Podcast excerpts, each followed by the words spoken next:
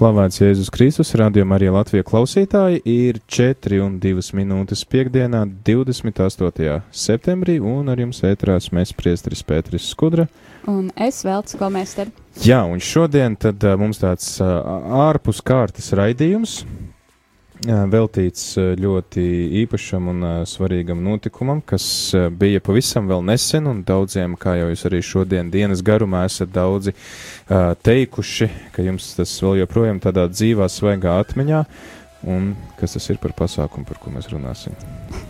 Nu, vien būtu grūti neuzminēt, bet uh, jau no pagājušās sestdienas mēs esam aktīvi sekojuši līdzi pāvesta Franciska gaitām Baltijas valstīs, un tad uh, 24. septembrī pirmdien pienāca tas īpašais brīdis, kad uh, pāvests viesojās arī mūsu zemē šeit, Latvijā, ierodoties Rīgas lidostā un tad turpinot savas gaitas šeit. Jā, un mums ir arī ļoti interesanta kompānija šodien šajā uh, raidījumā. Kopā ar mums ir Gundega Pumpure, Latvijas Republikas vēstnieces pie Svētā krēsla padomniece. Labdien! Labdien! Mums ir arī Arnis Salnājs, valsts prezidenta kancelēs vadītājs. Labdien! Labdien! Jānis Meļņikovs, jezuīta priesteris, kas arī ir rādījuma arī Latvijas brīvprātīgais. Labdien! Un Elvijas Krevits, students un bērnu nama audzinātājs. Sveicināti! Uh, mums vēl arī kādā brīdī pievienosies Rihards Rasnecis, Siguldas Jēzus sirds draudzes prāvests, uh, kuru arī dzirdam šad un tad šeit rādījumā arī ēterā. Ļoti interesanti krāsaina kompānija. Uh, vēl kas tad visus šos cilvēkus ir savedis pie mums? Nu, pirmkārt, es pieņemu, ka tu esi tas, kurš viņus uzaicināja apciemot mūs šeit studijā, bet noteikti, kā jau mēs sākām šo stāstu, pievēršoties pāvesta Franciska vizītei, un tad ārpus tām profesijām, ko tu nozīmē katram no šiem cilvēkiem, viņiem ir lielāka, mazāka, bet, nu, pietiekami liela iesaisti un saistība ar šo konkrēto pāvesta vizīti, kas, ko mēs piedzīvojām. Jā, jo, kā jau arī minējām šorīt no rīta raidījumos, tad ir cilvēki, kas pat pusgadu uh, gatavojās šim notikumam, kas ieguldīja ļoti daudz savu spēku un enerģijas un uh, laika, lai tad arī šī vizīte varētu noritēt uh, veiksmīgi un lai mēs visi varētu justies ērti un komfortabli un baudīt šos svētkus. Tad jautājums viesiem, varbūt dosim priekšroku dāmai, tad kāda bija tā jūsu iesaiste šīs vizītes gatavošanā? Tad tur tā pa vienam varat pastāstīt mums. Vizītes gatavošana sākās ar Latvijas valsts prezidenta un Latvijas bīskapu uzaicinājumu pāvestam ierasties uh, vizītē Latvijā un pārējās Baltijas valstīs. Un uh, vēstniecība ir tas kontakts starp Latviju un Svēto Krēslu. Um, atļaujiet um, teikt, ka šī vizīte bija ļoti īpašs notikums Latvijas simtgadē. Tā bija vēsturiska vizīte ar lielu simbolisku nozīmi. Latvijai svinam 100 gadus, un uh, aprit arī 25 gadi kopš uh, pāvests Jānis Pāvils II apmeklēja Latviju. Um, ja drīkst teikt, um, šī vizīte arī ir liels Latvijas diplomātijas sasniegums.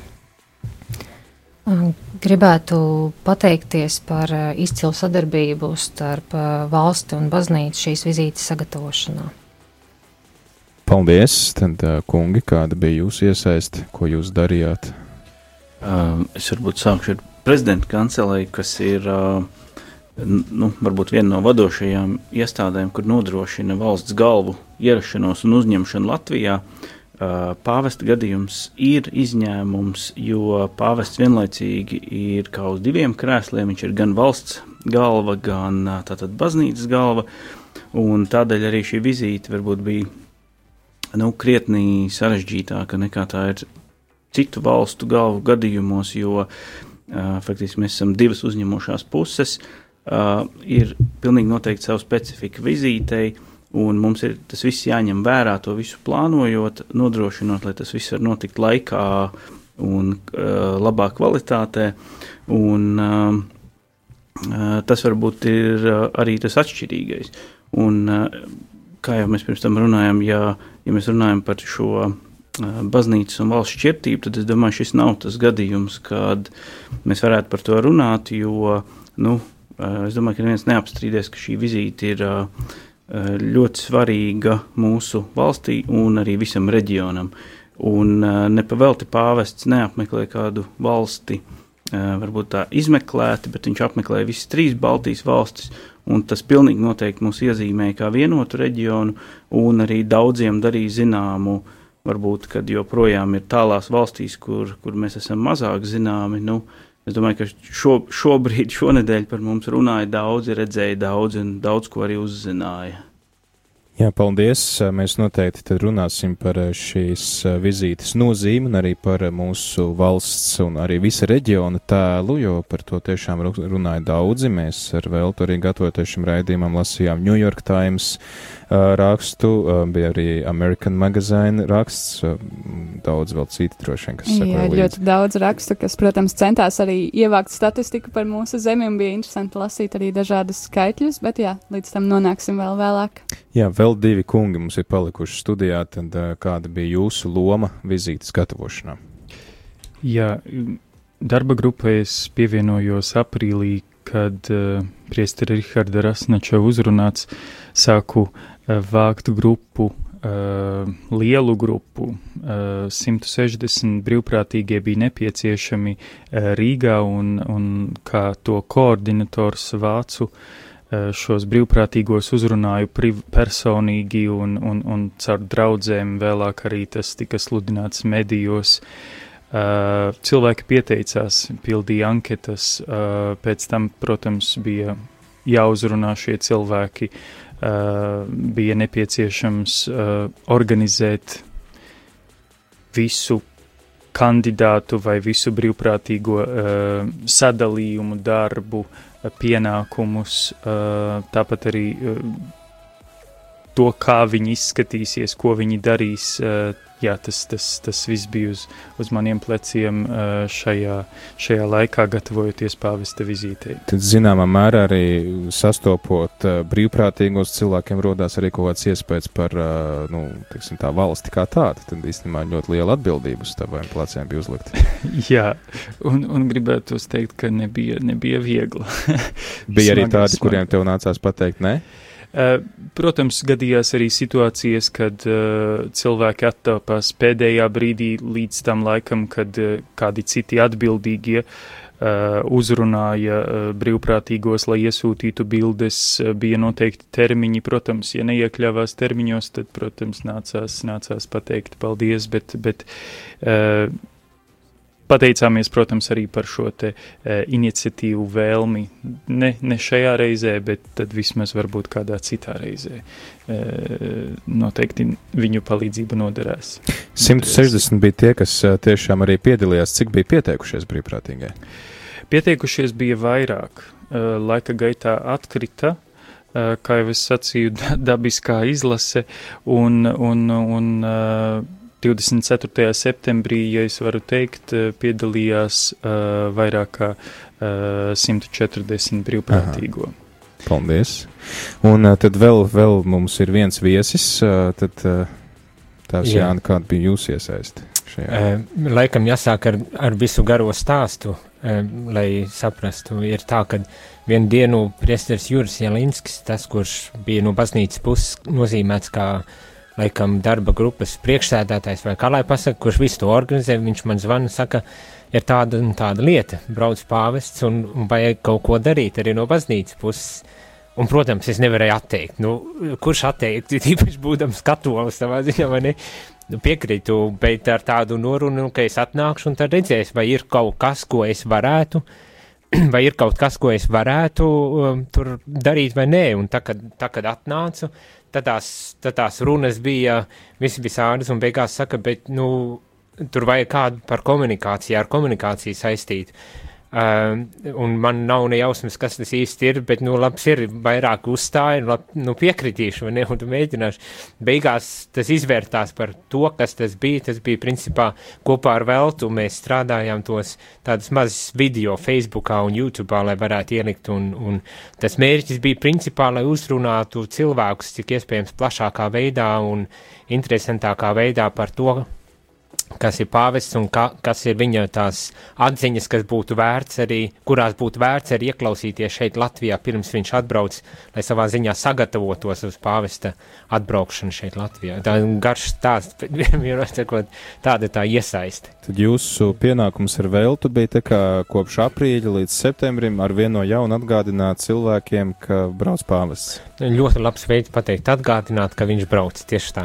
Tieši un, tā. un, un, un jums arī izdevās kā, redzēt kaut kādu to uh, nu, atpakaļ saiti, vai, vai cilvēkiem tas palīdzēja, vai nē? Man, kād... man jāsaka, laikam veltē par to vairāk jārunā, jo es tiešām velti bija tehniski un praktiski visu to darīju. Es tikai, es tikai atnācu parādījos tur starp Tu citu. seja, jā. jā, jā, bez maz vai.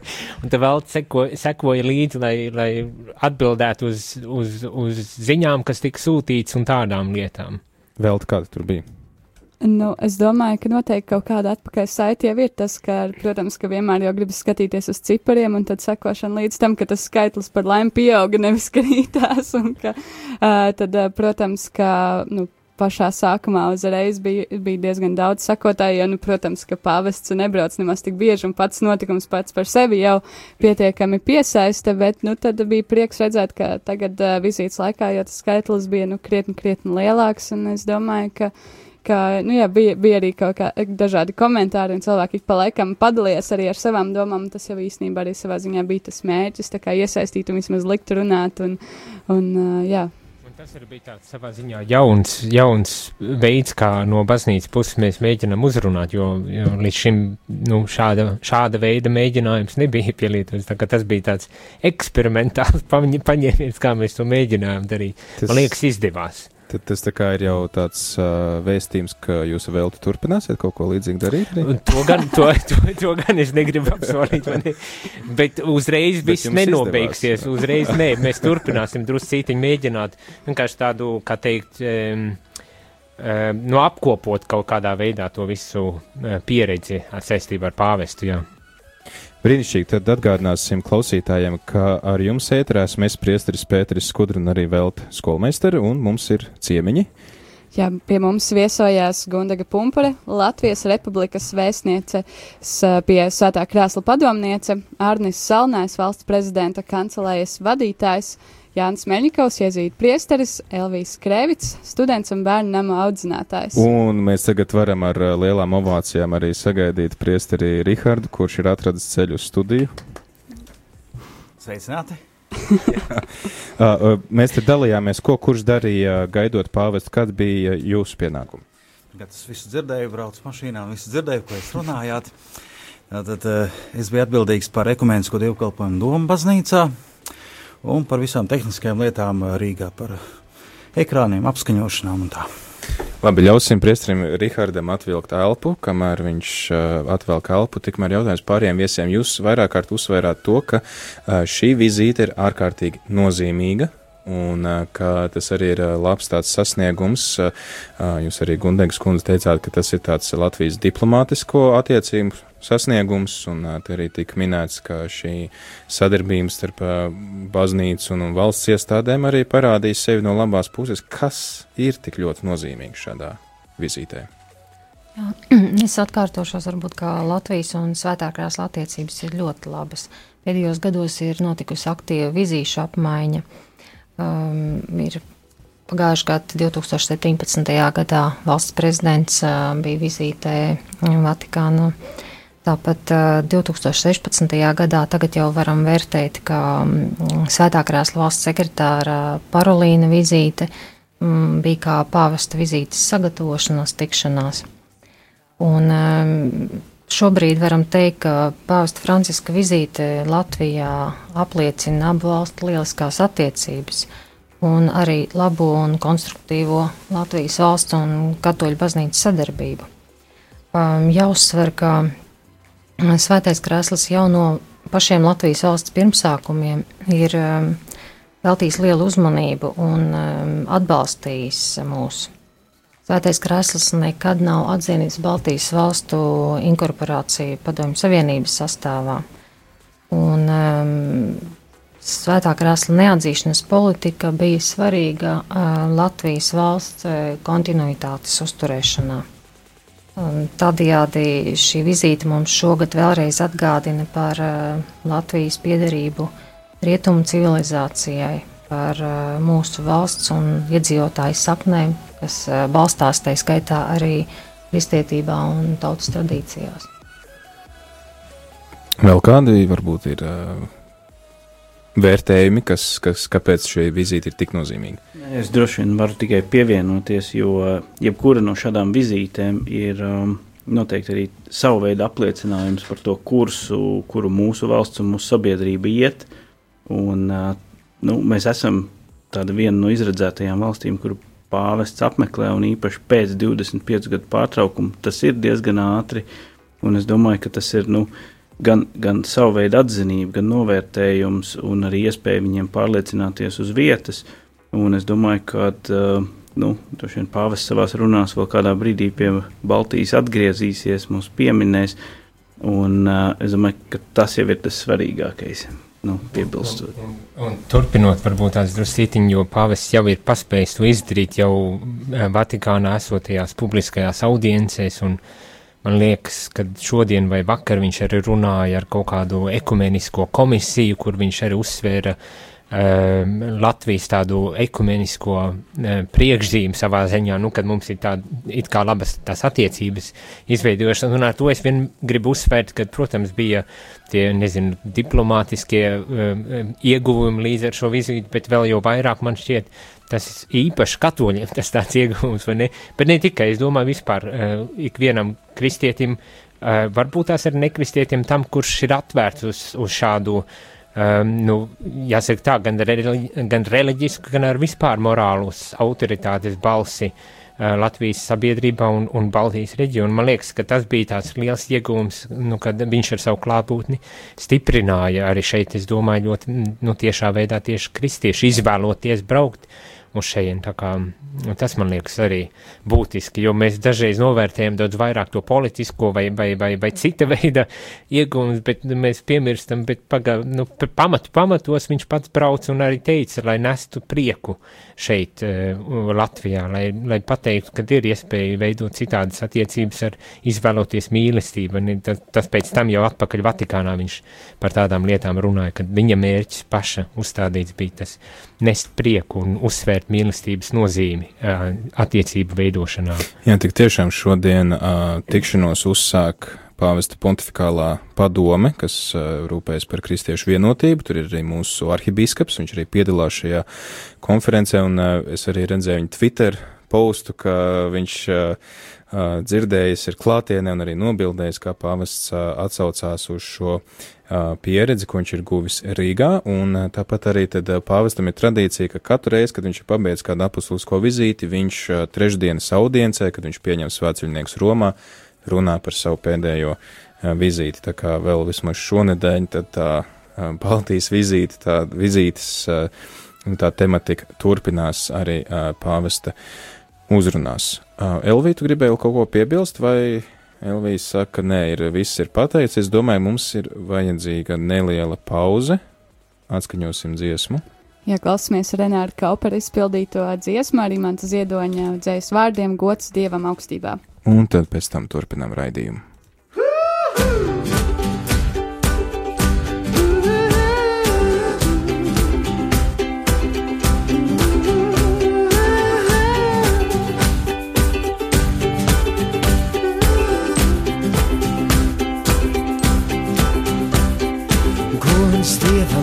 Augstībā un cilvēkiem labs prāts.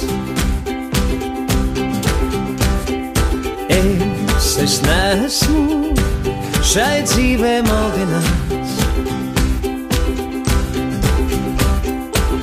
bet pats es esmu bijis nomaldījis, jo savas gribas vien man ceļš bija vies. Un ja es tagad stāvu nesabies un augu te kā skaisti stādīts tāds, ko es dievam augstībā un cilvēkiem labs prāts. Gods dievam augstībā un cilvēkiem labs prāts. Es esmu piedzimis kā skaņa vārdā, un tālāk latviski jau nākamajā kārtā. Kad mīcā karais sauciens skan vai pārtā, es pieceļos man piecelties liekās.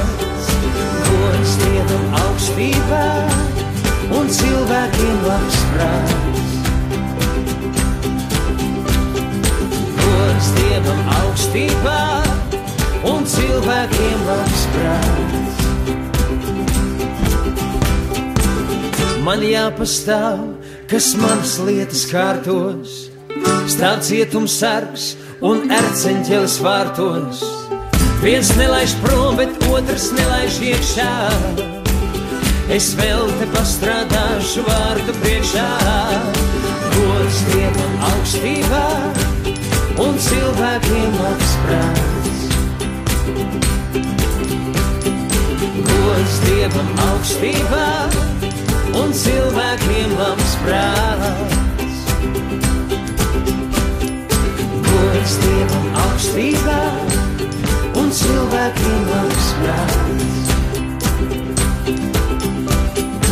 Gods dievam augstībā un cilvēkiem labs prāts. Kur tu ej, tev ceļš? Un kur tu ej, tev ceļš ir gaismas klāts. Jūs klausāties radio Marija Latvija. Jā, radio Marija Latvija ēterā turpinam ar īpašo, var teikt, tādu speciālu izlaidumu raidījumu, uh, kur ar jums esmu es, priestris Pēteris Skudra. Es vēlts komēster. Kopā ar mums tad arī ir Gundega Pumpure, Arnis Salnājs, Jānis Meļņikovs, Rihards Rasnacis un Elvijas Krevits. Ļoti dažāda un krāsaina kompānija, ja tagad uzskaitītu, ko katrs dara, mums tas paņemtu vēl diezgan daudz laika. Uh, visi cilvēki ir visus cilvēkus apvieno tas, ka viņi ne tikai šobrīd atrodas radio Marija ēterā un skan jūsu radioaparātos vai datoros vai aplikācijās, bet arī tas, ka visi šie cilvēki strādāja plecu pie pleca pie tā, lai mēs varētu tad arī baudīt svētkus, kad pie mums bija atbraucis pāvests Francisks pavisam nesen, pirmdien, 24. Uh, septembrī. Un tad mēs iepriekš pārunājām par šo gatavošanos, par tās nozīmi, par vizītes nozīmi, tātad tā ir gan tāda diplomātiska svarīga nozīme, ka šīs attiecības tātad tiek apstiprinātas kā labas un arī turpinās, teiksim, turpina pastāvēt. Tāpat arī no garīga aspekta, ka mums kā katoļiem ir arī laba iespēja būt kopā ar mūsu ganu, ar, ar pāvestu, kas ir mūsu nu, baznīcas autoritāte un vadītājs.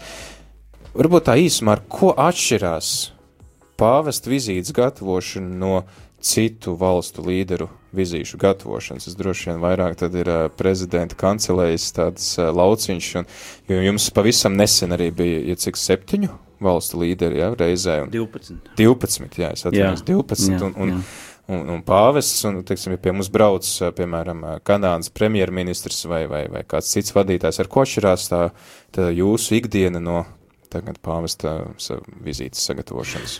Jā, jūs, es domāju, jūs minējāt ļoti labu piemēru, jo burtiski nedēļu pirms pāvesta Rīgā pēc prezidenta uzaicinājuma bija 12 valstu prezidenti, eh, Eiropas valstu, tātad eh, saucamā Araljošas neformālā darba grupa, eh, kur bija divi jautājumi, gan drošības, gan Eiropas nākotnes jautājumi, un arī, arī to uzņemšanu, nu, kā varbūt vadošā bija prezidenta kancelē neapšaubāmi daudz iesaistītie, gan ārlietu ministrijā, gan, gan, gan citas iestādes un, un, un palīgi.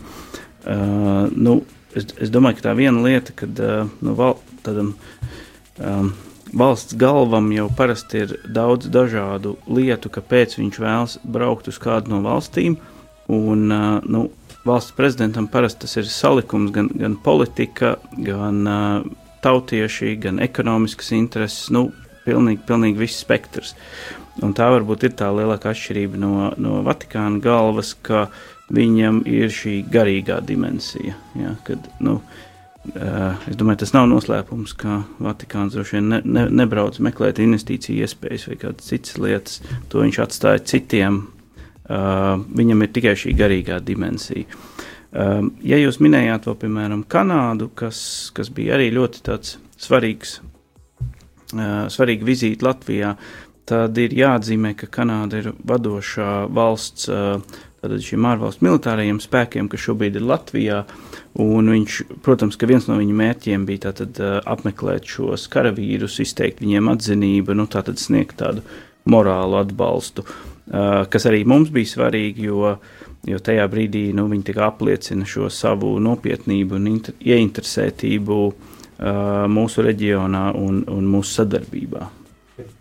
Tad tā gatavošanās, tad tas protokols, vizīte pie, pie prezidenta, uzrunas, tas viss ir vienāds vienmēr, vai, vai tomēr ir kaut kāda specifika, kas, kas atšķir? Uh, pro, pāvesta vizīte ir pilnīgi, pilnīgi atšķirīga. Un uh, es varbūt gribētu sākt ar tādu nu, jum, jumta lietu par vispār to organizēšanu. Tad es gribētu teikt, ka uh, ir, ir prezidenta kancelē, kas varbūt uzņem kā valsts galvu, un tad ir uh, baznīca, kura, kura bija līdzorganizators, bet uh, vēl bija tāda ļoti svarīga, ka Tieslietu ministrija arī šeit pildīja ļoti svarīgu funkciju un neapšaubām ārlietu ministriju.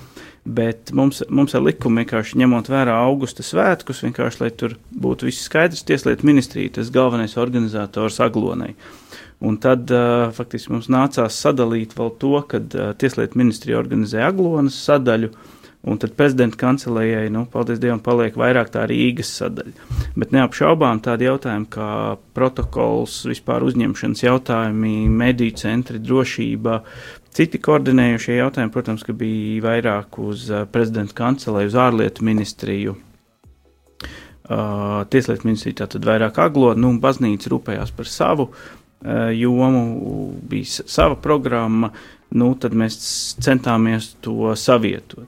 Nu, ja citos gadījumos ir uh, valsts prezidents, kurš ierodas Rīgā, ir viņa uzņemšana, uh, tad, protams, ka nenoliedzam uz pāvesta uzrunu Rīgas pilī tika uzaicināti sabiedrības pārstāvji, augstākās amatpersonas, un, un šī interese, protams, bija ļoti liela, daudzkārt lielāka varbūt nekā pie, pie citu valstu vadītājiem. Jā, man liekas, ka nu, tī, tāpēc tīri praktiski bija kaut kādas atšķirības, piemēram, um, nu, tas, ka pāvis ir ne tikai Rīgā, bet arī Aglonā, tad vajag organizēt vēl šo gaisa satiksmi, kas ka kā no, nokļūšana, tad um, savukārt uz vietas Rīgā. Uh, nu, kaut vai televīzijas klātbūtne, jo parasti tiešraidē tiek translēta šo valsts augstāko amatpersonu um, pieņemšana Rīgas pilī. Tad šoreiz visu translēja tiešraidē gan no um, lidostas, gan uh, arī pie brīvības pieminekļa. Tātad vispārējie pasākumi tiek uh, tiešraidē translēti vairāk kā parasti, un arī vairāk kā parasti bija cilvēku interese Un, eh, tāpēc bija jāsagatavojas gan ar kaut kādiem eh, tām barjeru novietošanām, lai zinātu, kur cilvēki var iet, kur nē. Kas, es domāju, citās eh, vizītēs nu, neiesaista tik daudz šos nu, materiālos resursus. Jā, tas droši vien sabiedrība nav tik ļoti ieinteresēta. Nu, tā tik ļoti ieinteresēti sekot līdz tam visam, kas notiek? Uh, nu, jā, un, protams, tāpēc uh, nu, ir vairāk cilvēku iesaistīti, un vēl var tas no, no tādiem drošības aspektiem. Uh, drošības dienestam droši vien būtu vienkāršāk, ja tie cilvēki būtu pēc iespējas tālāk kaut kur no šīm augstākajām amatpersonām. Un šajā gadījumā tas ir pretrunā ar to, ko pāvis grib. Viņš grib būt pēc iespējas tuvāk cilvēkiem. Un tad nu, ir liekas, nedaudz papildus nu, lielāki teiksim, tā, uzdevumi un grūtāk to realizēt mūsu drošības dienestiem. Ja kā ir ar, ar, ar vēstniecībām? Es saprotu, ka ikdienā šīs attiecības starp valstīm palīdz uzturēt vēstnieki, vēstniecības, tātad arī, kur var nu, valstu pilsoņi vērsties. Kā ir būt strādāt vēstniecībā, kas sadarbojas ar, ar, ar Vatikānu? Nu, Latvijas vēstniecība Vatikānā ir nerezidējošā vēstniecība. Tas nozīmē, ka mm, vēstniece Veronika Erti šobrīd uh, atrodas Vīnē, Austrijā un regulāri dodas braucienos uz Vatikānu, uz dažādām audiencēm, kur uzrunas saka pāvests. Tāpat viņai ir tikšanās um, um, valsts. Um, kancelējā pie svētā krēsla, un tādā veidā tās attiecības arī tiek uzturētas. Jā, paldies! Jā, tad, eh, tad varam paraudzīties uz šo pašu notikumu no otras puses, kā ir ar baznīcu. Arī baznīca bieži vien rīko dažādas pasākumus, bet, nu, svētceļiem uz aglonu, piemēram. Piemēram, vai, vai vēl kāda veida konferences, rekolekcijas, eh, lielāki svētki, mazāk svētki, tie paši aglonas svētki, bet ar ko tad pāvesta vizīte atšķirās uh, baznīcas gadījumā, jo ik pa laikam izskanēja, nu, tāds tā kā uh, izteikums, ka pāvesta vizīte ir aglonas svētki divi. Nu, tad eh, ir tā vai nav tā, vai ir kādas vērā ņemamas atšķirības? Nu, tas, ka mums bija jāņem vērā tomēr um, šīs valsts vizītes eh, nu, aspekti, un uh, bija lietas, kuras nevis mēs nu, organizējam, bet ko organizē valsts puse. Tad uh, nu, es esmu organizējis dažādus lielus pasākumus, jauniešu dienas un, un cits. Uh, man pirmo reizi nācās uh, teksim, ņemt vērā uh, drošības dienesta nu, šo klātbūtni un ieteikumus, piemēram. Iepriekš tu ņēm, neņēmi vērā par drošības dienestu, ja? nē, nu, tagad vajadzēja saskaņot, piemēram, ja mēs vēlamies tur likt uh, ekrānu, un tad pasakā, nē, tur nevar būt, jo tas iespējams uh, mazinās redzamību snaiperiem, piemēram, kur, uh, Nu, teiksim, tādas lietas es nebūtu iedomājies, ka ir jāņem vērā organizēt vienkārši tikai tādu parastu baznīcas pasākumu. Bet, jo, nu, tas, ka drošība ir jānodrošina visaugstākā līmenī, tas, domāju, bija viens no tādiem ļoti svarīgiem aspektiem.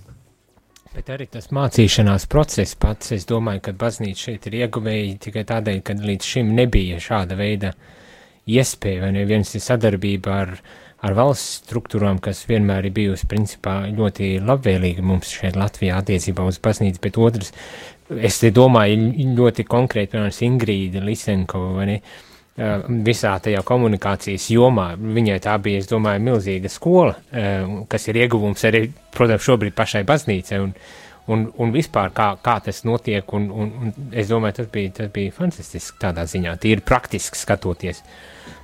Tagad arī radio Marija darbinieki un brīvprātīgi zina, kā akreditēties pasākumiem, kā darboties mēdīju centros, ko tur piedāvā, ko nē. Zina, kas notiek, ja tevi neakreditē. Tad tu paliec aiz, aiz borta. Uh, es domāju, ka mēs esam varbūt guvuši tādu, manuprāt, labu labu ieskatu tad, uh, par to gan ikdienas darbu, gan uh, kancelējā, gan vēstniecībā, gan baznīcā, gan arī tad, kā tas viss notiek gatavoties pāvesta vizītē. Pieķersimies klāt pašai vizītē, kad pāvests atbrauc, un es domāju, dosim vārdu tad arī valsts prezidentam, kurš bija pirmais, kas uzrunāja pāvestu, un ieklausīsimies, kas viņam bija sakāms pāvestam. Svētais Tēvs, jūsu uzturētais dialogs ir būtisks, lai savā daudzveidībā Eiropa paliktu vienota. Baltijas valstu likteņa 20. gadsimtā ir dzīva liecība tam, ka Eiropas šķelšanās nes tikai ciešanas. Tāpēc mūsu nākotne ir savienībā, kura ir balstīta uz cilvēka tiesībām, demokrātiju un solidaritāti, nevis uz sautīgām interesēm un izdevīgumu ticība vieno valstis pāri nacionālajām atšķirībām. Tikai kopā mēs varam būt tik stipri, lai izmantotu mūsdienu iespējas un pārvarētu visus izaicinājumus.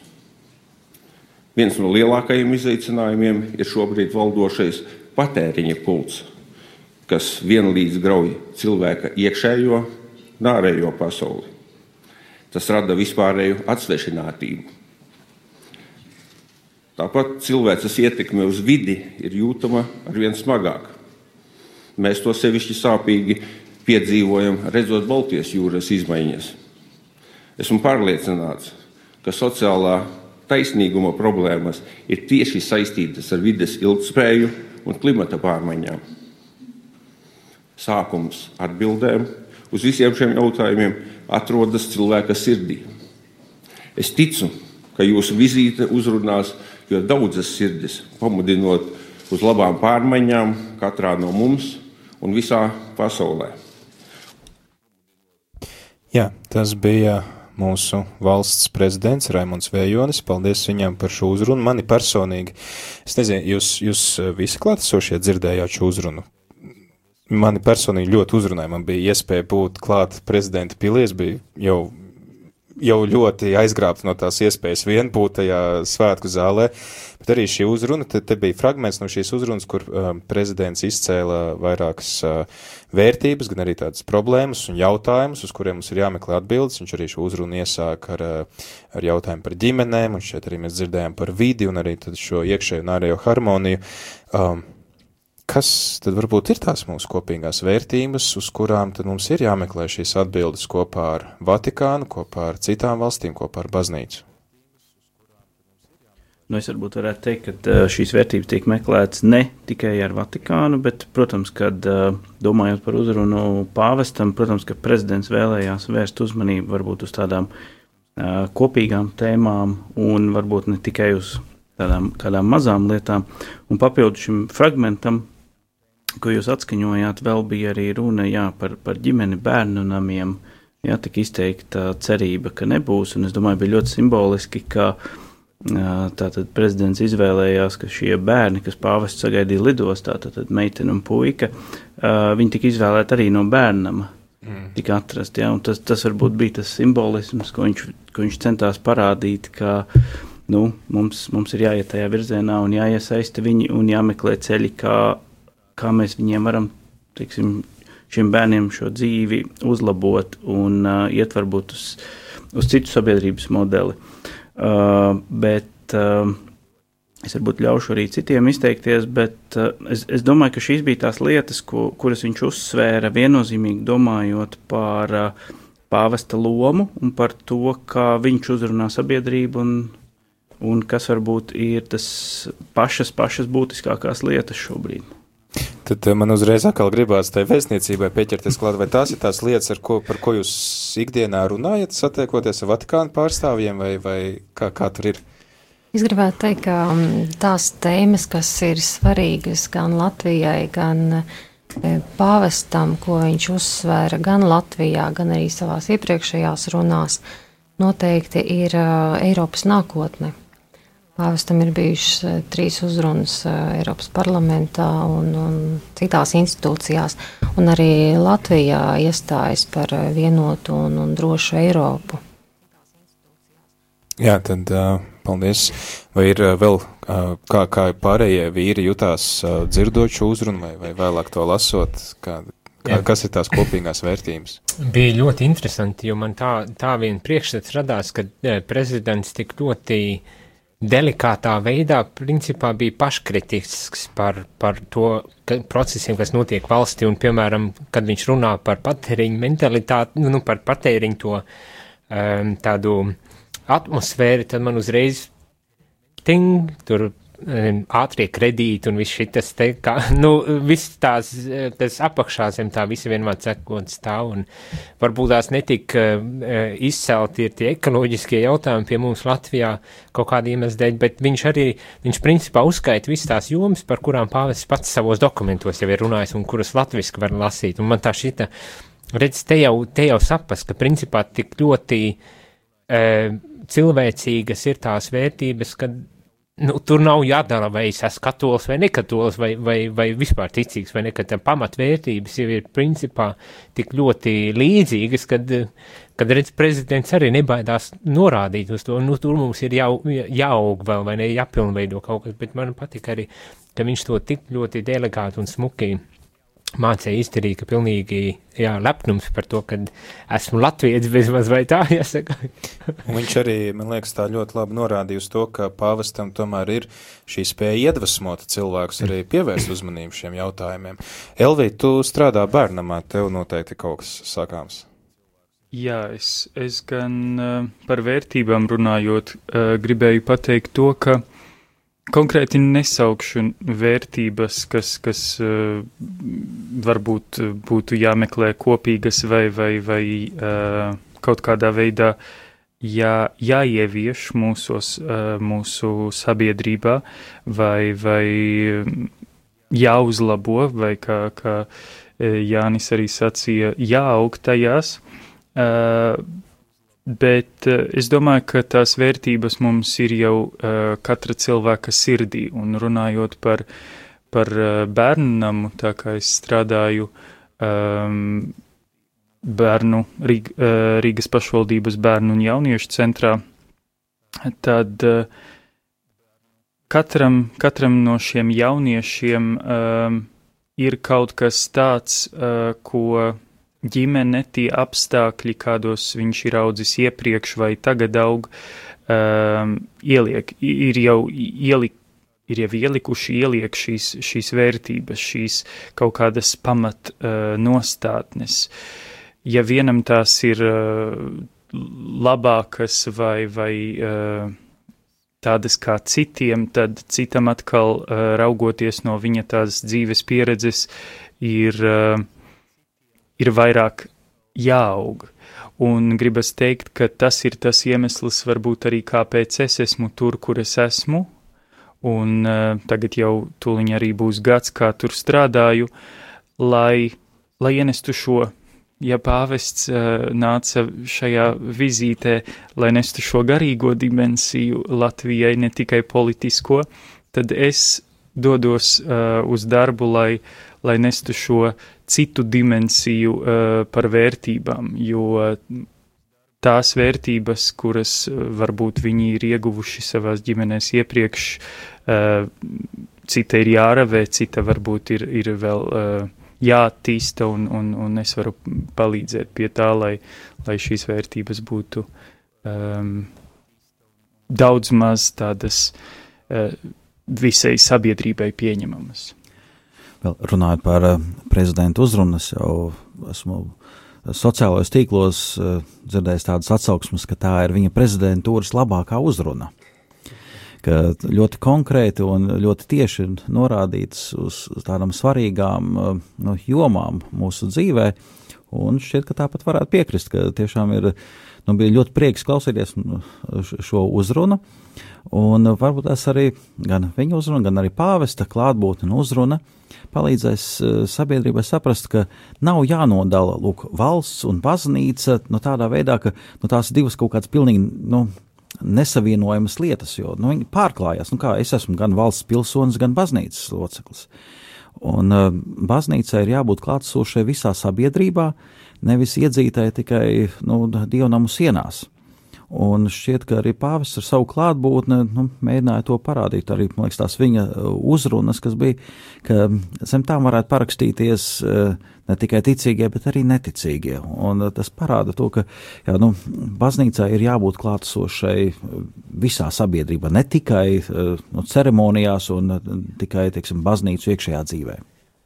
Un turklāt viena lieta, ko man gribas arī norādīt, eh, ar sarunās ar cilvēkiem, tā skaitā ar priesteriem, bet ne tikai, cik delikāti pāvests izvēlējās valodu un veidu, kā izteikties atbilstoši tajā vidē, kur viņš bija, piemēram, ekumeniskais dievkalpojums, kā viņš runāja, vai uh, Rīgas pilī, ko viņš teica, kādā veidā tu teici, un tad aglona, un, un paskatoties arī, kas tālāk visā Baltijā notika.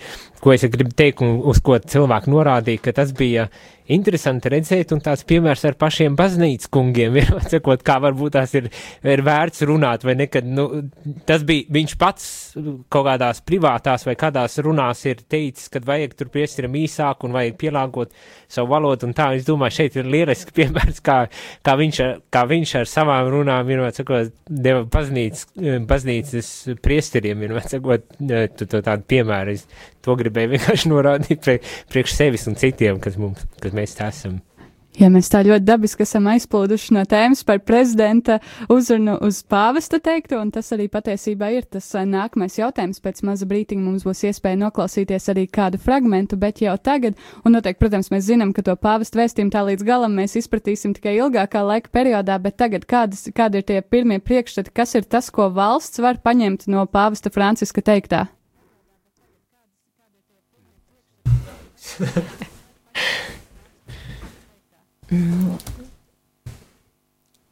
Pāvests Francisks savās uzrunās um, uzsvēra un novērtēja brīvību un identitāti. Arī tagad um, savā uzrunā trešdien um, pāvests izteicās, ka viņš ir sajutis un novērtējis spēcīgo mm, Latvijas un Baltijas uh, tautu identitāti un aicināja to stiprināt un saglabāt. Un, um, manuprāt, ļoti nozīmīgs un spēcīgs bija aicinājums turēties pie saknēm, spelt, spē, smelt spēku no saknēm. Tas ir divējādi. To viņš teica uzrunā Jēkaba katedrālē uzklausīt vecākās paudzes gadu gaitā uzkrātās gudrības, bet arī smelt spēku no kristīgi morālajām vērtībām. Un, protams, arī vienotības nozīme, ekumēnisms, kas Latvijā ir nu, viens no attīstītākajiem starp daudzām, daudzām valstīm. Paldies! Vai ir kādam, kas piebilstams? Es no savas puses varbūt varu piebilst, ka papildinot par, par to, ka uh, faktiski mēs, nu, es gribētu teikt, ka mēs uh, saņēmām tādu kā varbūt uzslavu un varbūt izcēla mūsu kādu labo īpašību. Uh, Un tas ir varbūt tas, kas mums pašiem ikdienā dažkārt pietrūkst. Un uh, varbūt mums dažkārt liekas, mēs, mēs varam uzskaitīt lietas, kas mums trūkst, bet varbūt mēs arī neredzam, kas ir īpaši kopš iepriekšējās pāvesta vizītes, kas ir sasniegts, kā mēs esam paši mainījušies, kas mums jau ir. Un uh, varbūt tas ir tas pārdomu arī viens no punktiem, kad uh, nu, šī uzslava ļauj mums paskatīties, ka varbūt mēs esam tomēr labi un ir mums labas lietas, un varbūt tās mums ir jāturpina, eh, jātīsta. Nu, tad mums ir arī skaidrs, kas, kas mums izdodas. Un es domāju, ka nenoliedzami salīdzinot divas pāvestu vizītes, mēs varam redzēt gan, gan to, kā sabiedrība ir mainījusies, gan visa valsts kopumā ir mainījusies, un es domāju uz to labo pusi. Vēl gribu pateikt, ka tas, ko Pāvests teica par to, ka evaņģēlijas ir iespaidojis mūsu vēsturi, ir veidojis mūsu vēsturi, un ka arī eh, tagad, mūsdienās, evaņģēlijam ir spēks eh, nu, palīdzēt eh, nu, tos mūsdienu izaicinājumus pārvarēt. Un, nu, tas tāds atgādinājums, ka ja, evaņģēliem ir loma arī mūsdienās, ne tikai pagātnē. Mums nevajadzētu mūsu ticību nu, attiecināt, ka tas ir kaut kas pagātnē bijis. Jā, paturpinot arī, ko Rihards saka, man arī šķita, ka Doma baznīcā, ka viņš runāja par piesaucē ērģeles un ka tās ir tik ļoti vecas un bijušas savā laikā pašas lielākās, un par to, to metaforu lietojot, kad evaņģēlis ir kā savu veidu tāda mūzikas partitūra, mūzika vienmēr sakot, kurā uh, kur ir skanējusi savā laikā, un kad iztrūkstot šai mūzikai mūsdienu vidē, ka principā mēs iztukšojamies paši no sevis. Man tas šķiet, ka um, tur daudz un dikti varētu principā par šo, par šo lietu runāt, bet savā ziņā arī uzsverot, ka uh, ir, ir daudz sabiedrībā, daudz dažādu izaicinājumu problēmas, kas ir jārisina, un, un kuras tik vien kā tehniski nosakot likumus kādus vai kaut kādas uh, kontrolas mehānismus, un kā ar to vien nepietiek, lai sasniegtu un lai mēs varētu uh, tiešām dzīvot pilnvērtīgāk, jēgpilnāk vai, nu, lab, nu labāk, vienmēr sakot, un, un tad man šķiet šajā brīdī nāk iekšā tas atkārtots maigs, bet tomēr uzsvērums, kad Uh, nu, ka tā evaņģēlīja mācība, varbūt tās to nevajag banalizēt un, un pasniegt, kā tad bieži vien karikatūra tūrējot, tiek pasniegt, bet ka tajā ir kaut kāda vērtība, no kur var tomēr vēl joprojām izmantot, lai, lai sabiedrība balstītos uz, uz tiešām uz kādām vērtībām, un tad te likumi un viss pārējais notiek, jo pretējā gadījumā tas tāds um, nežēlīgs uh, režīms, kur, kur, nu, kur mēs pazaudējam cilvēcību vispār. Nu, bet es jau sāku attīstīt pavisam. es ceru, ka mums būs iespēja izdot atsevišķā grāmatā visas pāvesta uzrunas, un ne tikai Latvijā, bet arī nu, Lietuvā un Igaunijā, jo Vismaz tās uzrunas attiecās, teiksim, ko viņš jauniešiem teica Lietuvā, tas attiecās arī uz mums. Tā ka es ceru, ka tās uh, uzrunas būs uh, pēc tam pieejamas. Viņas tagad jau ir internetā pieejamas, bet tas arī varēs izdot. Izskatās, ka droši vien būs jātais vēl otrais un trešais sējums ar priesteru komentāriem. Jūs jau jūtat, ka jūs esat tā iesilst, tad abi divi. Ka... Nē, ne, bet, bet tas ir ļoti būtiski, jo principā ir uzsvērts, un man liekas, tika teikts, man, ka šī vizīte ir Baltijas vizīte, ka tas nav tikai Latvijas vizīte. Vai, ka tās arī uzrunas, principā, katrā vietā tik ļoti niansētas, katrai vietai ļoti adresētas, bet vienlaikus es varu redzēt, just, ka tas ir arī, principā, visām trijām, un ne tikai, principā, ka mm, plašāk Eiropai arī ir vērts ieklausīties, tas, jo ar tam pašām lietām. Tas, tas ko Salnāja kungs sākumā arī minēja, ka pati pāvesta vizīte jau ir kā tāds vēstījums, ka visas trīs valstis veido vienu reģionu, kas uh, no arī, tiksim, Eiropā iekļaujās kā tāds viens veselums. Es domāju, es domāju tāds, ka pats fakts ir svarīgāks nekā tas. Mēs nevaram nu, teikt, nu, kādu lekciju mums nolasīja pāvests, nu, kādas tās atziņas vai lekcijas. Uh, es pieļauju, ka liela daļa cilvēku neatcerās uh, šo uzrunu nu, saturu, bet viņi jebkurā gadījumā atcerās šo faktu.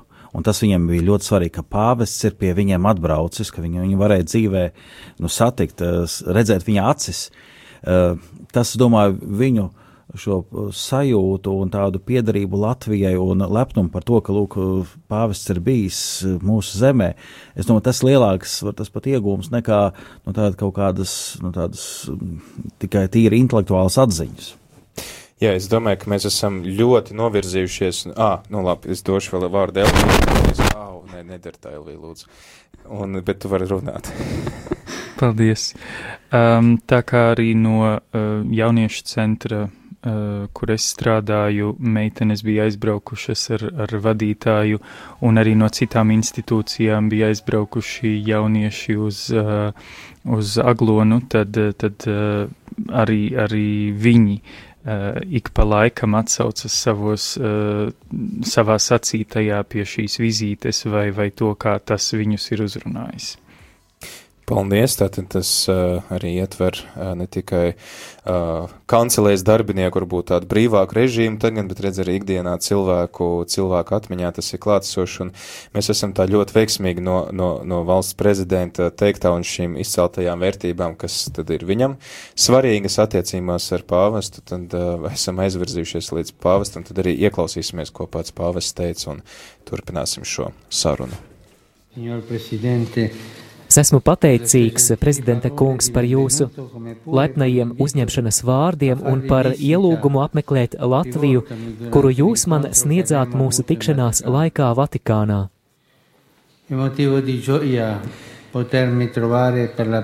Es esmu ļoti priecīgs pirmo reizi šeit būt, gan Latvijā, gan šajā pilsētā, kas gluži kā visa valsts ir pazinusi sarežģītus sociālus, politiskus, ekonomiskus un arī garīgas cīņas, pagātnes sašķeltības un konfliktu augļus, un tomēr šodien tā ir kļuvusi par būtisku kulturālu, politisku un arī transporta centru reģionā. Jūsu ieguldījums kultūras, mākslas un, mākslā un mūzikā it sevišķi ir pazīstams ārpus jūsu robežām.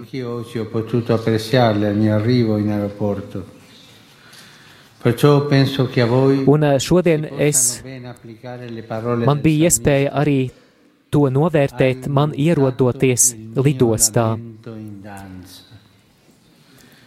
Ar psalmista vārdiem jūs patiešām varat iesaukties. Tu esi pārvērtis mūsu sēras dejā. Latvija, Dainu zeme, ir pārvērtusi savas sēras un sāpes dziesmā un dejā, un ir tiekusies kļūt par dialoga un satikšanās vietu. Vietu, līdzās pastāvēšanai, kas ir mierpilna un kas raugās nākotnē. Jā, paldies uh, pāvestam Franciskam vēlreiz par viņa vizīti un par uh, to, ko viņš mums ir uzrunājis. Uh, prezidents savā uzrunā izcēla tātad šīs tādas vairāk tādas praktiskās uh, lietas, kurām mums būtu jāpievērš uzmanību. Bet pāvests, viņš, kas man arī liekas interesanti, ka viņš visas trīs valstis uzrunājot tieši autoritātes runā par šo skatu uz pagātni, ka jā, tās ir valstis, kas ir daudz uh, cietušas un, un tām ir bijuši pārbaudījumi un grūtības, uh, Bet tajā pašā laikā viņš arī aicina raudzīties uz nākotni. Viņš aicina raudzīties uz nākotni, ka mēs ar to bagāžu, kas mums ir, un ar to sīkstumu, kas mums ir ļāvis izdzīvot cauri šīm grūtībām, iet uz priekšu. Man liekas, tas ir diezgan būtiski Latvijas sabiedrībai, jo tomēr, lai arī 27 gadi ir pagājuši kopš brīvības atgūšanas, ir cilvēki, kas joprojām atsaucās, ka, nu jā, mēs jau tur esam cietuši, mums ir gājis grūti un tā, bet, uh, ka lūk, pāvests, viņš atbrauc, viņš saka, nē, nu, ceļaties un ejiet uz priekšu, kā, kā, jums, kā jūs uzņēmāt šo pāvestu vēsti? Es domāju, tā, tā jau vien bija tā lieta par to iedvesmošanu, ko kāds jau te minēja, ka tas bija tieši tas, ko mēs varbūt gaidījām. Un es gribētu teikt, ka, eh, jā, prezidents varbūt eh, savā runā pieminēja kādas lietas, kuras mums šeit ir vairāk aktuālas, kuras mēs redzam, eh, mēs viņas zinām, un mēs, mēs protams, ka rādām, ka mēs viņas gribam atrisināt un tātad turpināt attīstīt mūsu sabiedrību. Un es domāju, ka tas ļoti labi iet arī kopā, jo uh, arī prezidents runā, vienalga viņš runāja par nevienlīdzību vai ģimenēm vai vidi, tas jau vairāk bija vērsts uz lietām, ka mēs to apzināmies un mēs to darīsim. Ja? Mēs tātad turpinam to darbu. Un tas, kad jūs arī jūs tajā fragmentā atskaņotajā, kur bija no pāvesta uzrunas šis fragments, ka tā, kad me, nu, Latvija ir vieta nākotnē, es domāju, nu, fantastiski iedvesma, nu, ko tur vairāk piebilst. Jā, man šķiet, tiešām, nu, ko tur vairāk īsti, īsti pie, piebilst, bet man tā šķiet, ka tas, ir, tas bija dikti vajadzīgs arī Latvijai, jo tiešām mēs tādā dažu brīdi e, atļaušos teikt tādā mazohistiskā tīksmināšanā par to, ka nu, mēs tādi cietēji esam, bet līdz ar to mēs arī paliekam tajā pozīcijā un esam spējīgi īsti skatīties uz nākotni, mainīt kaut ko, un tad viena balss vēl pasaka no ārpuses it kā nu, paklau, paklau, nu, nu labi, Saņemies, bija, bet, nu, jā. nu, davai, ejam uz priekšu tagad, vai ne, nu, pietiks jau, pietiks.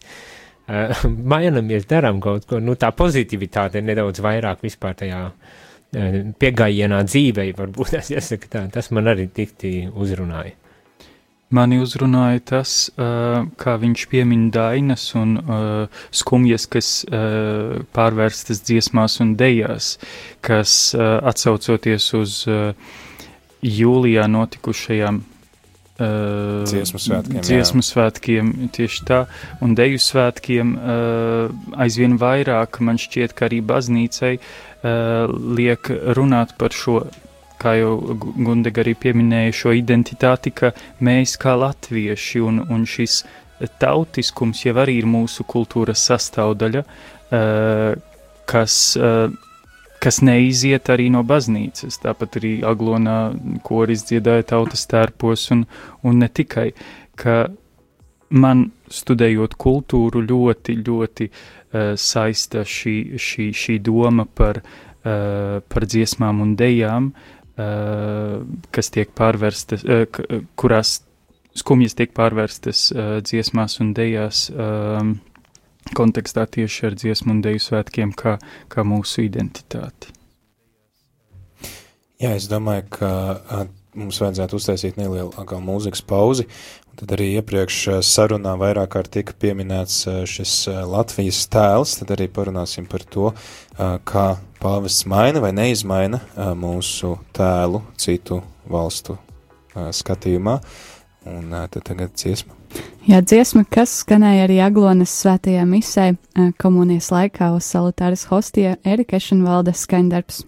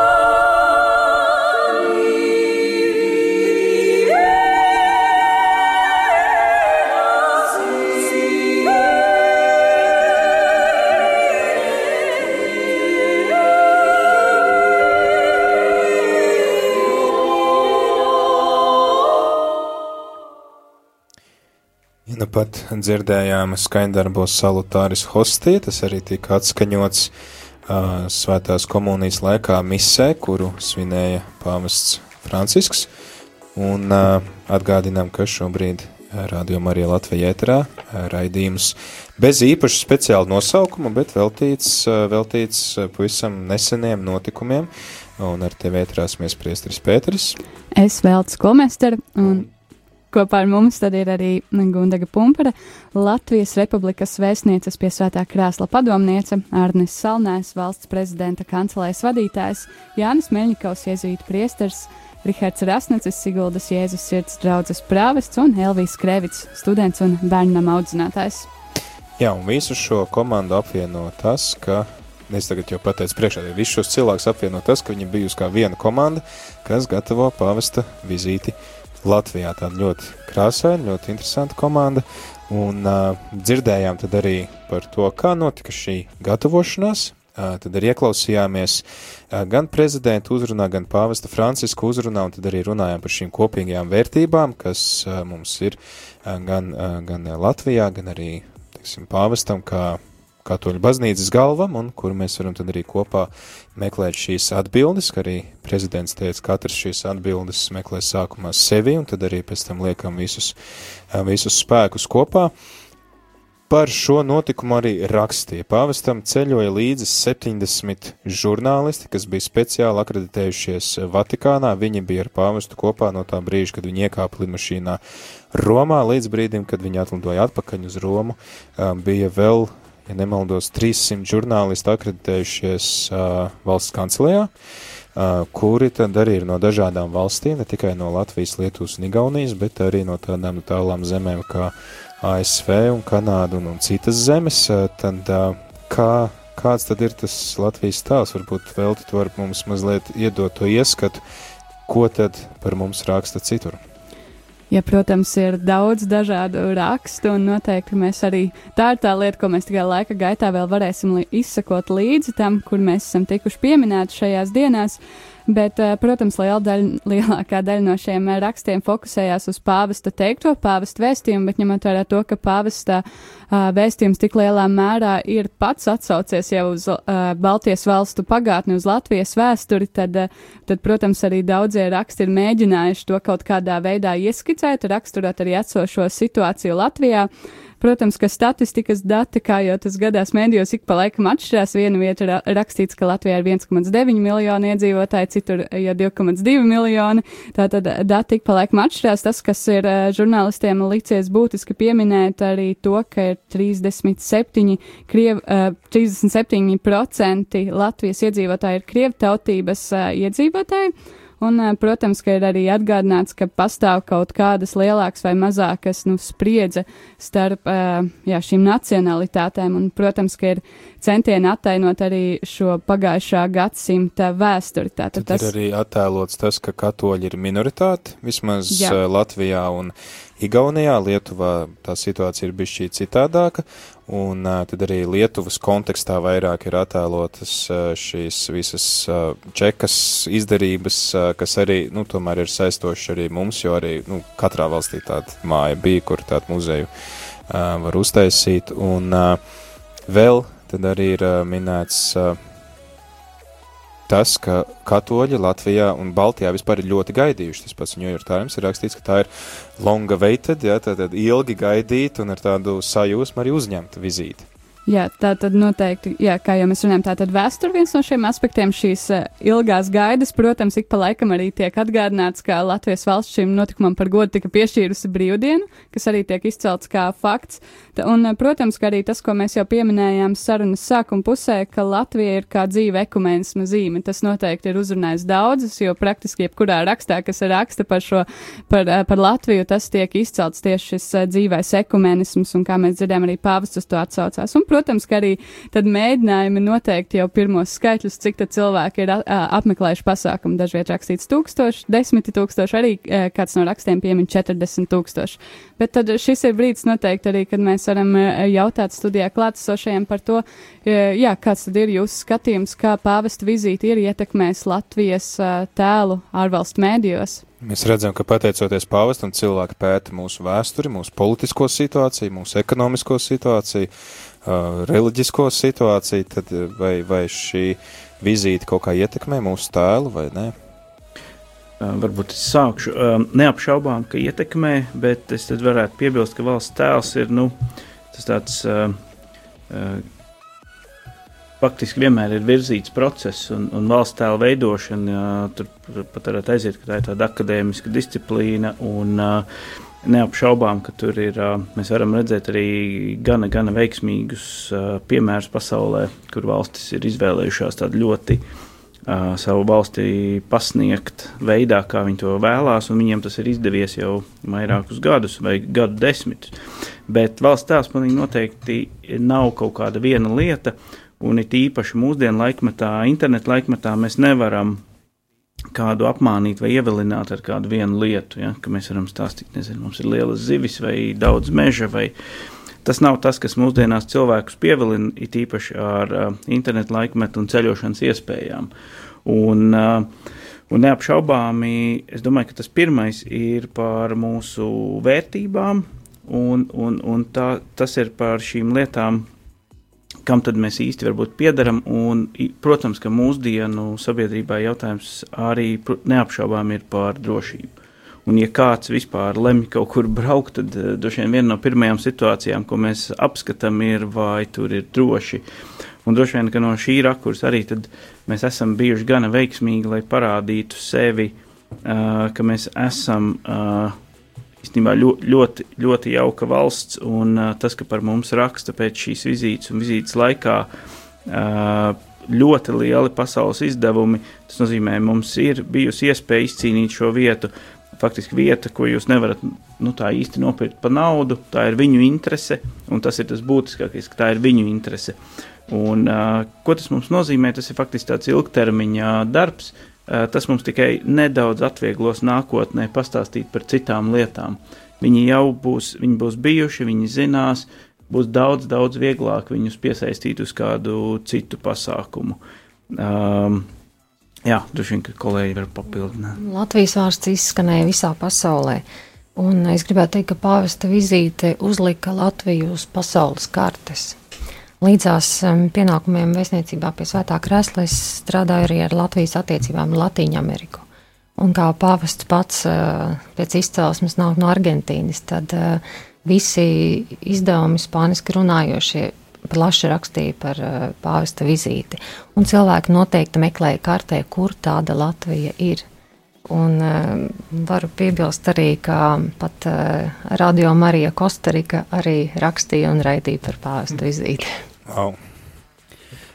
Man šķiet, ka nu, no vienas puses mums nevajag pārvērtēt, cik nu, laicīgā prese raksta par pāvesta vizīti. Jo nu, skaidrs, ka viss baznīcas mēdī par to rakstīja, un viss, kas saistīts ar kristīgajām ziņām, un tātad, nu, arī Eiropas un citu valstu kristīgā auditorija, es domāju, daudz vairāk uzzināja par Latviju Bet, nu, jā, kā mēs redzam, bija arī laicīgie mēdīji, kas par to raksta un interesējas. Un te uzreiz, man liekas, būtu tāds labs piemērs mūsu Latvijas laicīgiem mēdījiem, savukārt atspoguļot arī pāvesta vizītes, kas ir citās valstīs. Jo tas skar, tas interesē arī šeit dzīvojušos latviešus. Nu, es domāju, tas būs tā, tāda laba mācību stunda, ka parādīja, ka citiem pasaulē interesē, kas notiek pie mums. Tas nozīmē, ka droši vien mums interesētu, ko pāvis dara citās vizītēs. Tas kā aicinājums radiom arī translēt ne tikai Baltijas vizīti, bet arī citas vizītes turpmāk. Nu, jūs esat laikam arī īri jau translējuši, un šis tas jau ir bijis, bet es domāju, arī laicīgajiem mēdījiem, ne tikai baznīcas mēdījiem. Un, nu, man liekas, liels iegums teiksim, ir Baltikam, kuram parādās, ka nu, tā, tā būs viņiem ļoti liela reklāma, ja, ka pāvests ir lidojis ar viņu kompāniju. Tas ir zināms tāds, nu, nu, jau nu, tāda drošība un garantija, ka no šo kompāniju ir droši lidot. Tagad šajā svētdiet, sēdvietā biļetes ir dārgākas. Vai ir vēl, vēl kādi, uh, kas sakāms par, par mūsu tēlu? Droši vien, Elvija, tev, tev bija, jo es atceros vienu tikšanos, mums bija viena tikšanās tiem mēdīju cilvēkiem, gan no baznīcas puses, gan arī no uh, valsts, uh, kan, no prezidenta kancelēs puses, un es atceros, ka nu, tika pievērsts uz, pievērst uzmanība arī tādai niansē kā apģērbs, jo kā viens no iemesliem tika minēts tas, ka tas tomēr arī ir tas, kas nu, atstās iespēju par to. Nu, mēs esam tie, kas reprezentē mūsu valsti, un arī mūsu izskats atstāja ne? Īpaši mums... brīvprātīgo izskats un īpaši viņu attieksme un laipnība. Tieši at, tāpēc tie brīvprātīgie tika instruēti trīs reizes, jā, kādā krāsā, kam ir jābūt un, un kā ir jāuzvedās. Tad, tad tavs viedoklis, um, tavs skatījums. Darba grupā mēs jau ilgi lēmām arī par tām pašām vestēm vai, vai uh, identifikācijas kartēm, kādam tam ir jābūt un kā tam jāizskatās. Varbūt tā sākotnējā doma jau nebija. Um, Es tā domāju, ka nebija par to, kā tas izskatīsies, teiksim, cilvēkiem no malas vai mēdījiem vai kā citādāk, bet tieši tā, kā, kā mēs paši sevi prezentēsim, jo, jo tas, tas, kas uh, būs tam brīvprātīgajam virsū, jo to brīvprātīgo būs daudz, cilvēki versīsies pie viņiem, uh, daudz arī runās par to. Uh, gribas teikt to visu kopējo ainu, kā, kā, kā notiek šī gatavošanās pāvesta vizītei, ka brīvprātīgi nav vienkārši celtnieku vestēs ar atstarojošiem objektiem kādiem, bet, um, jā, arī tad, kad 7. septembrī mums bija visiem brīvprātīgajiem uh, tikšanās, tad, tad arī uh, tika pacelt šis jautājums, kā mēs ģērbjamies, un priesteris Rihards bija arī tas, kurš, kurš sacīja par to, ka velkam uh, melnas bikses, un, un, un, un tiem, kas, teiksim, ir iekštelpās, tiem ir uh, balts, balts krekls, lai, lai tas, tas būtu tā godam, es gribētu teikt. Zolīdi. Zolīdi, zolīdi tieši tā. Um, par to, kas notika uh, preses uh, centrā, prezidenta kancelijā, uh, to noteikti kāds no brīvprātīgiem pastāstīs jau, jau rīt, uh, kad mums būs kopīgs uh, brīvprātīgajiem pasākums, uh, atskats arī dzen, un tad arī brīvprātīgie dalīsies, kādas tad ir viņu pieredzes, bet uh, Ja es varu atkāpties eh, no, no šī jautājuma par brīvprātīgo izskatu, tad es gribu teikt, ka uh, šie reliģiskie mediji uh, Polijā translēja šo, šo vizīti, un, un uh, es stāvu pie brīvības pieminekļa, skatos, kā pāvests uh, ar aizkustinājumu, skatos, kā pāvests um, uh, rokojas ar, ar, ar mūsu deputātiem un ne tikai pie prezidenta pils, un man atnāk ziņa, o, oh, pāvests pie jums no maniem poļu draugiem. Es saku, jā, es arī uz viņu skatos, ka, ka tā teikt, tās, tās, tās ziņas tika nodotas ļoti ātri un, un, un cilvēki sekoja, sekoja tam līdzi. Jā, piemēram, lietuvieši izvēlējās savus brīvprātīgos ietērptas, teikt, tādā hipsterīgākā stilā. Viņi katram izdalīja futbolu tādu krekliņu ar uzrakstu 23. Es īsti nezinu, kāpēc 23, bet. Tas... Bija 22 un 23, man liekas, tas bija par godiem datumiem, kuros viņš apmeklēja vizīti. Tad, attiec, ā, tad, tad brīvprātīgie, kas ir 22. datumā, brīvprātīgie, kas ir 23. datumā, tad, tad tu varēji atpazīt, bet viņi arī izvēlējušies sarkanu krāsu, kas, kas arī apvieno mūsu brīvprātīgos. Jā. Latvijā. Mēs paredzējām, ka, ka mums būs nedaudz vēsāks un ka vajag kaut ko siltāku, tāpēc mums bija vestes. Jā. Jā, tad uh, Latvijas tēls, uh, tad kopumā mēs varam vērtēt, ka Latvijas tēls ir tā pasniegts labi mums, jā, ja? šobrīd šobrīd. Un, un vai tas kaut kā arī ietekmēs, es nezinu, nākotnē mēs, eh, mēs varam gaidīt, eh, brīv, nezinu, eh, ceļotāju pieplūdumu, turistus vai, nezinu, vietu nākamajiem kādiem uzņēmumiem vai, vai kaut kam tādam, tas. Nu, es domāju, ka uh, būtu maldīgi teikt, ka tagad sēžam un gaidām, un rīt lidostā sāks lidot iekšā. Nu, nu, negaidām. Uh, turpinam darīt, turpinam braukt, stāstīt par mūsu valsti, darīt paši sev labas lietas. Uh, bet tas, kas notiks ilgtermiņā, kad daudzi būs dzirdējuši, uzzināja kādus faktus, uh, un tad, kad viņiem būs izvēle uh, vai pārdomas, ko, ko varbūt apskatīt, ka tad mēs iekritīsim kā viņu nu, īsais saraksts, un viņi izvēlēsies, ka var atbraukt pie mums, viņi jau būs dzirdējuši. Tas ir Es gan domāju, ka mazais. būs arī kādas grupas, kas tieši brauks, uh, jo es zinu, pēc Jāņa Pāvila otrā vizītes uh, vēl ilgu laiku, laikam parādījās grupas, ka mēs braucam uz tām vietām, kur ir bijis arī pāvests. Nu, tas tiem tieši ticīgajiem ir bijis kā tāds īpašs notikums, tāpēc es pieļauju, ka būs arī tieši tādas grupas, kas brauks te, tikai tāpēc, ka šeit pāvests ir bijis. Paldies par šo, paldies par šo informāciju, jo tieši rakstu uh, bakalauru reliģiskajā turismā, un uh, tas ir ļoti labs fakts, ka ja pēc pirms 25 gadiem uh, cilvēki devās turismā uh, pa šīm uh, pāvesta pēdām, tad noteikti arī uh, gaidāmas grupas ir, ir nākotnē. Tā varbūt varētu būt ideja kādai, es nezinu, tiešām turisma takai, ne, pa pāvesta pēdām, kas iekļauj arī lidojumu ar helikopteru. Es personīgi, uz personīgas nots, es ceru, ka eh, būs vieglāk runāt ar, ar gan ar maniem kolēģiem, gan ar visiem, kad es izbraucu ārpus Latvijas. Es pieļauju, ka visiem.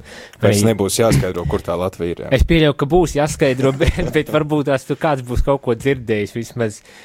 Arī saņemot no, gan no Amerikas, gan no, no Argentīnas, arī kādas ziņas, o, tikko redzēju, ka tur pāvests ir un vienmēr sakot, tam man tā šķiet, vismaz, ka varētu būt iespējams nedaudz vieglāk pateikt, kur tāda Latvija atrodas, kad vispār ir tā ir uz planētas Zeme vispirmām kārtām ne kaut kur citur. Nu, es varbūt tās tādu rusku ar sarkasmu, bet, bet uz personīgu noti tas patīkam, ka ir atpazīstamība kaut kāda jau. Jā, bet arī par to turismu runājot, tad, kad mēs ar Veltu meklējām rakstus ārzemju presi un kad var ier- iegooglēt Popin Latvija, tad uh, vienas no pirmajām lec ārā arī reklāmas, uh, top 10 viesnīcas, kurās palikt, lai Tas būtu gan laikam maksimāli tikai tuvu. tev var redzēt, ko tu esi meklējis pirms tam, man tā ko nebija. var, eh, kur var atrast, vai, lai būtu maksimāli tuvu uh, pāvestam. Nu, ko, mums, mums laiks ļoti strauji iet uz beigām. Es domāju, mēs esam uh, pārunājuši ļoti daudz un dažādas tēmas, kas ir devis ieskatu gan šīs vizītes sagatavošanā, gan arī tas, kādu iespēju tā uz mums atstāja un uz mūsu valsti arī īpaši tātad. Uh, Tas uh, skatījums, kā tagad uz mums raugās citas valstis un, un citi cilvēki. Uh, vēl pēdējais jautājums. Uh, turpmākās attiecības Latvijai ar Vatikānu, baznīcai ar savu galvu pāvestu. Kad gaidīt nākamo vizīti? Vai viņa ir vajadzīga un cik drīz? Un vai, vai mums tagad ir jābrauc pie pāvesta atkal uz Romu? Es gribētu piebilst, ka vizīti noteikti vajag, un mēs viņu ļoti gaidīsim, kad to droši vien lems pāvests, bet varbūt vēstniecība var piebilst. Kā. Nu, protams, attiecības tiks turpinātas eh, tikpat eh, labā, labā gaisotnē. Un uh, priecāsimies par nākamo vizīti, bet to, par to vēl ir pāragri runāt, jo no iepriekšējais ir pagājuši 25 gadi, un pasaulē joprojām ir daudzas valstis, kuras pāvests vispār nav apmeklējis. Es domāju, ka tagad mums būs lielāka motivācija braukt uh, uz Vatikānu un uh, tur iet nav uz vispārējo audienci, piemēram, lai klausītos uh, pāvesta uzrunu un arī piedalīties citos pasākumos ar pāvesta klātbūtni, piemēram, Pasaules jauniešu dienas. Tad es tagad teikšu, ah, nu tas ir foršs Jau pasākums. pavisam tuvu, janvārī. Jā, Panamā. vienalga, Vai līdzīgi kā tas bija pasaules ģimeņu tikšanās ar pāvestu un tam līdzīgi pasākumi, kur, nu, jāsaka, godīgi, ka līdz šim tā Latvijas pārstāvniecība nemazam tik liela nav bijusi. Varbūt, ka pēc pāvesta vizītes pie mums tagad mums būs lielāka motivācija braukt uz citiem pāvesta pasākumiem. Es ļoti Cerams. ceru, jā. Es tā domāju, ka uh, vēl viena lieta, nu, varam sapņot par pāvestu vizīti uh, kaut kādā nākotnē uh, Latvijā, bet es domāju, virtuāla tikšanās ar pāvestu Latvijā var notikt, un tas ir lasot kaut vai viņa darbus, un es ceru, ka varbūt tā šī vizīte ir kaut kādā veidā pamudināja, nu, kad, kad ir, ir vērts varbūt pamēģināt palasīt kaut ko, un ir labas domas galu galā. Varbūt tas es vienkārši tāds baigais fans, jo esmu lasījis, vai ne, bet Ne, ne, bet tā ir īstenībā pat uh, uh, Doma baznīcā, kur mēs bijām nodrošinājuši, lai būtu pieejami arī uh, šie pāvesta dokumenti, jo tie, kas atnāk ātrāk un gaida, lai viņi varētu jau ar tiem iepazīties. Tiksim, evaņģēlī prieku vi- visu izpirka un, uh, um, liekas, nu, Atskot, bija interese, un tātad tas cilvēkiem nu, ir bijis pamudinājums iepazīties ar, ar viņa rakstīto un viņa teikto. Brīnišķīgi. Liels, liels paldies visiem jums, kas atradāt laiku būt šeit kopā ar Radio Mariju klausītājiem. Arī Radio Mariju klausītāji ļoti novērtē to laiku, ko jūs šeit veltījāt un dalījāties iespaidos, dalījāties pārdzīvojumus un arī tie skatījumā, kā tad tālāk attīstās uh, šie notikumi pēc pāvesta vizītes. Es arī ļoti ceru, ka mēs noteikti to paturēsim dzīvā atmiņā un vēl, nu tā teikt, apstrādāsim šo vizīti savos, savos procesoros, kaut kur galvās un, un pārlasīsim, pārdomāsim visu to, kas ir noticis un kas ir teikts, un ņemsim vērā to, ko pāvis mums arī ir ieteicis. Uh, novēlu tad arī jums veiksmi darbā arī turpmāk, un uh, liels, liels paldies par to darbu, ko jūs ieguldījāt šo sešu mēnešu garumā, jo daudzi, kā mēs arī runājām, uh, bija cilvēki, kas ir ieguldījuši pusgada garumā darbu, uh, lai pēc tam citi varētu aizbraukt uz pasākumus, kuru paši organizatori nemaz netiek, jo vienam ir jāpaliek kaut kur pie drošības, otram ir jāpaliek uh, preses centrā, trešajam ir vēl kaut kur.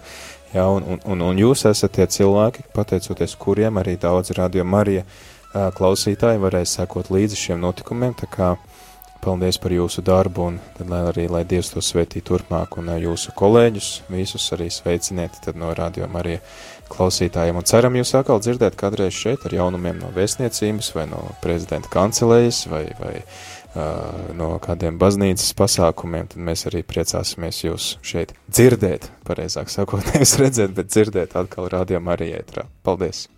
Paldies! Pāvesta Franciska apustuliskā vizīte Baltijas valstīs nu ir noslēgusies.